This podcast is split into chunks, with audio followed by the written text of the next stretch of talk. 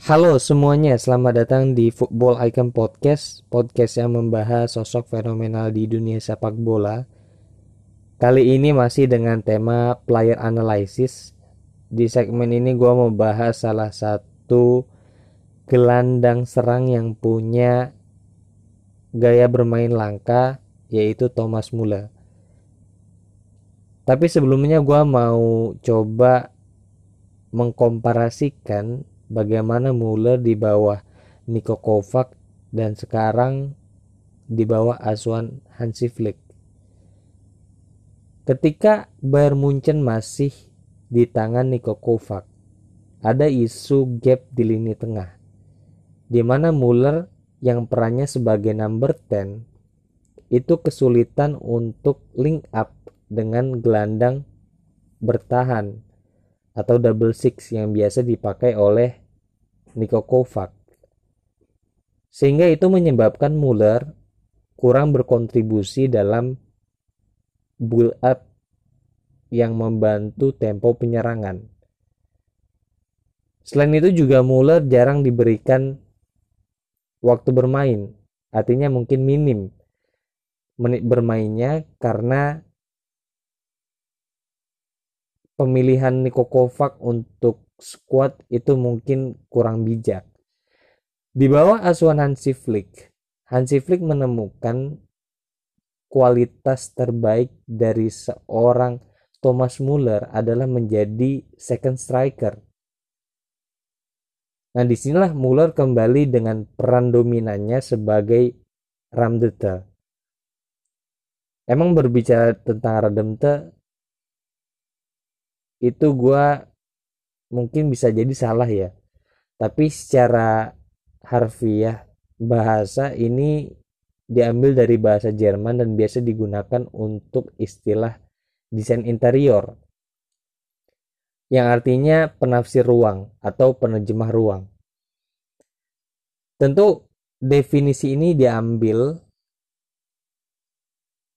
bukan berdasarkan role sebenarnya. Kalau menurut pandangan gue pribadi tapi lebih ke pendekatan taktik. Memang ini udah dipakai di game football manager ya. Ada peran ramdeter dan itu peran langka yang dimiliki oleh beberapa pemain yang itu juga kehitung oleh jari gitu.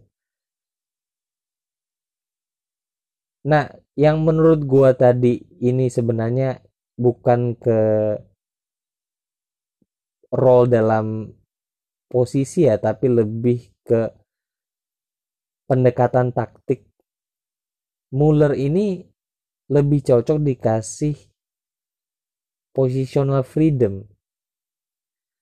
Karena dia termasuk pemain yang meskipun secara teknik itu nggak bisa kita bandingin dengan gelandang serang kelas dunia seperti Toni Kroos, Modric atau gelandang-gelandang yang pernah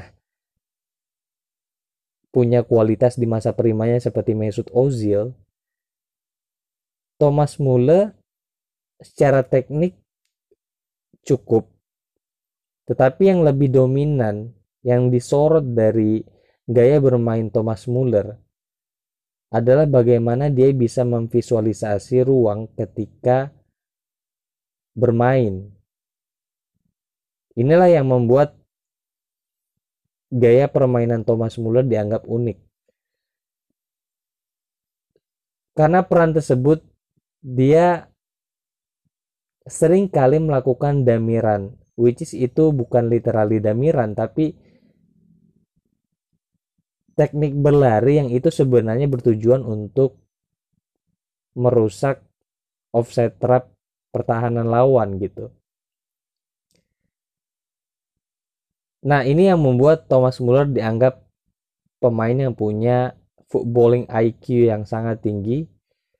Karena di beberapa kesempatan bahkan di pertandingan-pertandingan besar Muller terkenal sebagai pemain yang bisa mengeksploitasi ruang sehingga dia bisa menemukan posisi yang paling tepat entah untuk shooting atau untuk passing.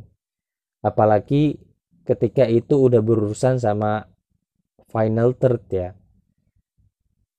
Muller selain dia juga dianggap sebagai the assist king untuk dekade ke belakang, dia juga punya kualitas mencetak gol yang cukup baik. Cuman kalah dengan Lewandowski dan Marco Reus. Inilah Muller yang sebenarnya kelihatan underrated tapi sebenarnya juga world class. Nah, ketika di bawah asuhan Hansi Flick, Muller lebih sering turun untuk membantu kontribusi build up. Dan ketika progresif pas di, dari belakang itu udah sukses, Muller biasanya udah dikasih positional freedom terlebih dahulu dia biasanya link up dengan sayap kanan dan Lewandowski sebagai central forward. Di situlah dia bisa menggunakan kualitas ramdeternya secara optimal karena dia bisa melihat atau spotting defensive error dari garis pertahanan lawan. Nah, dengan dia link up ini, dia memiliki banyak opsi entah crossing ke Lewandowski atau mencari channel kosong untuk membuka ruang bagi steamnya. Inilah yang membuat Muller sebenarnya juga bisa dikatakan salah satu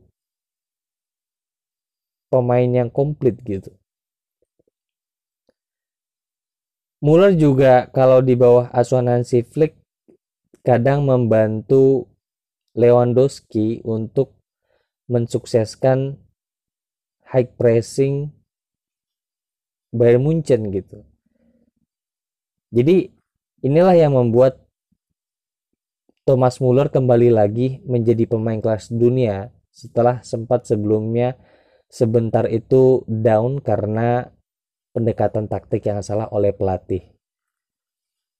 Memang ada kisah menarik tentang bagaimana Thomas Muller ini pernah merubah paradigma Pep Guardiola urusan ruang. Di mana saat itu Thomas Muller benar-benar tidak setuju dengan penjelasan rumit dari Pep Guardiola saat melatih Bayern Munchen untuk pendekatan taktik. Akhirnya Thomas Muller bermain di luar instruksi Pep Guardiola tapi secara singkat memang akhirnya Thomas Muller ini bisa membuktikan bahwasanya kualitasnya dalam mengetahui dan mengeksploitasi ruang di dalam permainan itu merupakan salah satu skill tingkat tinggi yang jarang dimiliki oleh pemain. Secara teknik memang nggak seperti pemain kelas dunia yang sering kita kenal, tetapi Muller punya gaya bermainnya sendiri dan itu secara statistik membuahkan hasil. Muller juga beberapa kali pernah menjuarai trofi bergengsi. Itulah yang menurut gue peran Ramdeter ini untuk sepak bola modern ke depannya bakal banyak lebih berkontribusi karena makin lama sepak bola makin sering lebih cenderung ke pendekatan taktik. Mungkin itu aja di segmen kali ini. Sampai ketemu di Football Icon Podcast sesi selanjutnya. See you next time.